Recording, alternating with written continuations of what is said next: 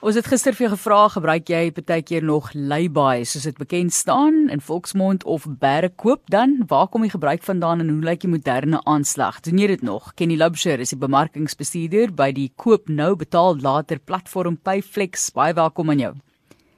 Dankie, middag julle. Net vir die wat nou nog nooit van lay-by gehoor het nie, verduidelik gou vir ons die konsep. Gaan al ver terug in die geskiedenis. Ja, dit dit dit gaan baie ver uh terug eintlik al amper amper 100 jaar. Ehm um, en jy weet die konsep is ons dit ken is jy uh jy jy koop iets, jy betaal 'n deposito en jy jy betaal dit af oor 'n tydperk en dan kry jy die goedere daarna. Ehm um, maar dit is iets wat soos gesê het al al al baie lank terug eintlik ehm um, begin het. So lank voor krediet en debietkaarte ontstaan het ehm um, was dit 'n innoverende oplossing wat verbruikers in staat gestel het om artikel te koop en dan so gesê in payment paymente af te betaal en dan eers daarna die artikel te besit. Ehm um, dit het eintlik in die 30er jare tydens die Groot Depressie ehm um, in die VSA ontstaan. Ehm um, so ongeveer tussen 1929 en 1939 gebeur. Ehm um, Daar was omtrent 15 me uh, miljoen mense wat gedurende daai tyd werkloos ehm um, was en byna 50% van alle banke in die FSA moes in 1933 sluit. So jy weet middel of min of meer in die middel van daai tydperk.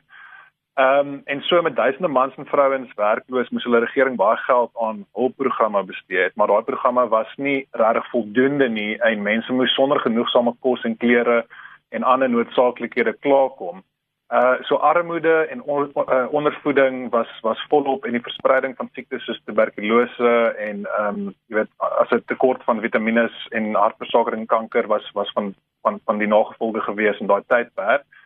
Ehm um, en so om verbruikers gedurende daai moeilike tye te ondersteun het handelaars eintlik 'n stelsel ontwikkel wat hulle in staat sou stel om huishoudelike artikels en selfs yskaste of motors te koop uh jy weet net om aan die gang te bly. So die verbruiker het dan soos ek al vroeër gesê het, 'n deposito betaal op 'n spesifieke artikel en dit dan oor 'n tydperk uh, in bekostigbare paemente afbetaal. So sodra dit dan uh vereffen was die volle bedrag, um, dan sou daai artikel die eiendom van die persoon geword het. So daai stelsel was um eintlik vir dekades toe gebruik. Um uh, en toe natuurlik het die uh, gewildheid van kredietkaarte in 1950 of so 'n meer algemene alternatief geword. Ken jy dis uh, interessant dat daar twee partye betrokke is. Dit is nou die koper en die verkoper. Nou in Suid-Afrika 33 die depressie jare uh, wat ons eie mense ook daardie stelsel begin aanneem. Toe was daar die wêreldoorlog 39 tot 44. Jy weet moeilike swaar tye. Mense het nie altyd die kontantvloei ja. gehad nie, maar vertel vir ons 'n bietjie as ek nou van die twee partye praat, hoe die berrekoop of lay-by oplossing dan kleinhandelaars in die hmm. depressie jare beïnvloed het. Ja. So dit het hulle in staat gestel om aan mense die kans te bied om items te koop wat hulle andersins nie kon bekostig nie. Ehm um, en aangesien mense 'n minimum van fondse beskikbaar gehad het, het hierdie metode hulle uitkoms gebied ehm um, en alhoewel hulle nie dadelik die goedere besit het nie, kon hulle deur middel van hierdie afbetalingsprogram uiteindelik ehm um, besit neem daarvan. So vir beide handelaar en die publiek was hierdie 'n wen-wen situasie wat die ekonomie aan die gang gehou het. Ehm um, want dit het handelaars gehelp om ook op bo water te hou. Ehm um, jy weet al al al het hulle nie nou dadelik die gelde ontvang vir die artikel nie en moes 'n bietjie daaraan vashou, het hulle éventueel die gelde ehm um, ontvang en kon die artikel dan obviously ehm um, laat gaan aan die aan die aan die aan die aan die koper. Ehm um, en dus kon hulle daarom ook aan die gang bly. Jy is ingeskakel by 360. Ons gesels oor bergkoop. Gebruik jy nog steeds hierdie metode van inkopies doen? Kom ons kyk gou vinnig na 'n eeu later. Hoe is die ou tydse betaalopsie dan nou in 'n digitale mark ingebring? Ja, so ehm um, die gebruik te maak van nuwe betalingstegnologie word die lay-by konsep aangebied as 'n digitale oplossing ehm um, deur die Payflex platform. Ehm um, daar's ander platforms ook daar daar buite op 'n globale vlak, maar Payflex is is is ons ehm um, is ons ons platform. En ons doel is om verbruikers goedkoper toegang te gee tot krediet ehm um, en 'n dramatiese verbetering in gebruikservaring te bied.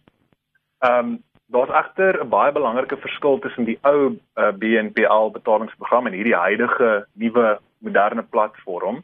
So verbruikers wat vandag die BNPL oplossing gebruik, kry onmiddellike toegang tot hulle aankope terwyl hulle dit eers daarna afbetaal. So dis 'n bietjie anders as wat dit in die ou dae was met 'n lay-by waar jy deposito betaal, bietjies bietjies afbetaal en dan jou item kry.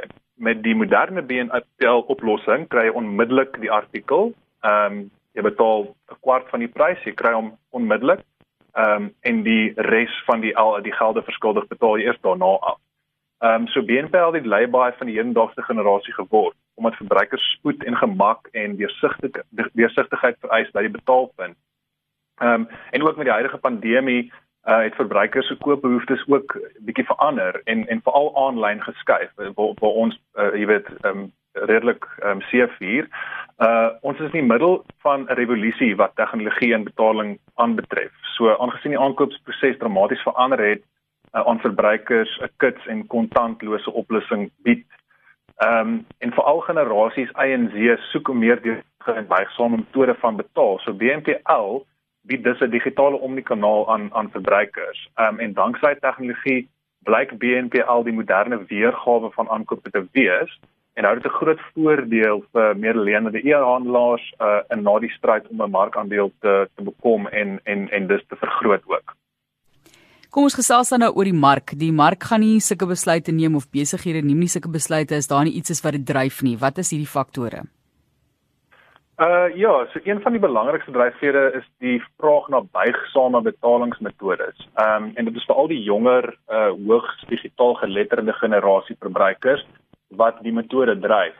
Ehm um, en baie van die jong mense het gesien hoe hulle ouers gedurende 2008 met kredietkaartskuld en rente sukkel uh, en is nou versigtig om dieselfde pad te loop. Ehm um, so dit word verspeel deur navorsing van die data uh, firma Cardify.ai wat bevind het dat generasie Z en jonger millennials meer as 80% van BNP uitmaak. Uh, en dit verkies bo 'n uh, 'n uh, tradisionele kredietafbetaling van van items. Ehm um, so anders as tradisionele kredietfasiliteite bied BNPL modelle verbruikers buigsaamheid deur betalings eweredig oor 'n bepaalde tyd te versprei. So dit is makliker om jou kontantvloei te te te te bestuur. Um en hierdie buigsaamheid stel verbruikers in staat om meer gereeld te koop, uh wat 'n meer hulpstoet gee aan die e-handelsverkope met inkopies wat Payflex 5 5 keer per kwartaal doen. Um en boonop stel dit klante in staat om koste te bespaar. Uh die tradisionele kredietkaartmetode sou rente hef en bied die BNPL metode 'n oplossing om inkopies te doen sonder die skuld. So weer eens daar's geen rente betrokke nie. Ja, heel interessant. Ehm um, watter dryfvere daar op die oomblik is, maar sien ons hierdie ken nie digitalisering van lay-by, die bergkoop beginsel op 'n wêreldwye skaal. Ja, nee, ons doen en dit is absoluut massief. Ek het al in die verlede ook met julle gesels en dit is omtrent elke keer as ek met julle gesels, jy weet, groei die nommers net. Ehm um, die data sê vir ons ehm um, dat daar 'n groot wêreldwye gebruik van BNPL. Ehm um, die die globale BNPL mark sal na verwagting groei van ongeveer 353 miljard dollar in 2020 tot 680 miljard dollar in 2025. Ehm um, en daar word beraam dat die industrie binne 'n paar jaar na verwagting sal groei tot 15 keer sy huidige grootte tot 1 triljoen dollar uh, in jaarlikse handelsvolume. Um, so dit is dis groot syfers. Um, en die Australiese BNPL reus en en markleier Afterpay het verlede jaar alleen met 130% gegroei. Ehm um, terwyl Zip wat wat ook Payflex ondersteun 'n uh, beduidende groei beleef het met uh, transaksies volumes wat uh, volumes wat in meer as 'n jaar verdubbel het uh, tot uh, 1.2 miljard dollar. So nader aan die huis uh, by by ons Payflex het binne 12 maande ons kliëntebasis uh, basis met ander woorde kopers van ongeveer 2000 na 100 000 toe gegroei. Ehm um, en ons winkelbasis met ander woorde ons handelaars ehm um, van 70 handelaars in 2019 tot meer as 750 ehm um, vandag en en ons hou aan groei maand tot maand. Uh en daai groei spesiaal kan kan kan hoor is op 'n globale globale vlak ook is ingeskakel op RSG. Jou vra altyd welkom op die SMS lyn en ons het gevra of jy enigsins van bergkoop gebruik maak of sogenaamde lay-by soos dit ook bekend staan. Ons gaan voort bietjie gesels daaroor. Dink jy dis ook 'n baie goeie manier om te koop sodat jy nie noodwendig groot skuld aangaan nie. En ons gesels nou met 'n platform wat dit aanlyn geneem het en wat besluit het dit is steeds nog van toepassing op die mark ook.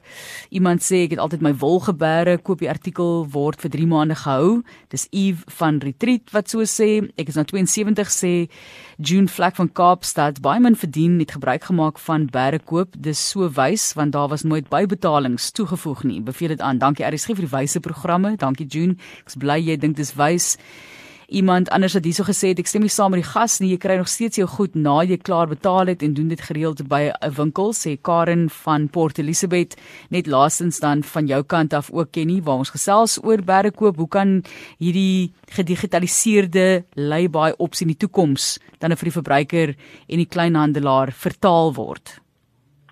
Ehm um, so vinnige verandering in verbruikersgedrag die afgelope jaar uh, en die konstante toename in e-handel dryf 'n wêreldwye vraag na buigsame betalingsopsies soos ek genoem het. En veral jong mense wat moeg is van tradisionele kredietkaartopsies of selfs ouer mense wat wat moeg daarvoor is. Ehm um, kredietverbruikers verwag heilig die opsie om te betaal teen 'n frekwensie waarteen hulle kan terugbetaal ongeag die kanale waarop hulle inkopies doen. So daarom verwag ons dat BNPL net so alomteenwoordig sal wees as EFT of kredietkaartbetalings um, by die betalingspunte bied aangesien inkopies meer waarde bied um, aan fleksibetaling sonder die verbode fooie en heffings en rente. Ehm um, so dit bied ook 'n uiters gerieflike afhandelingsproses uh, aan die verbruiker.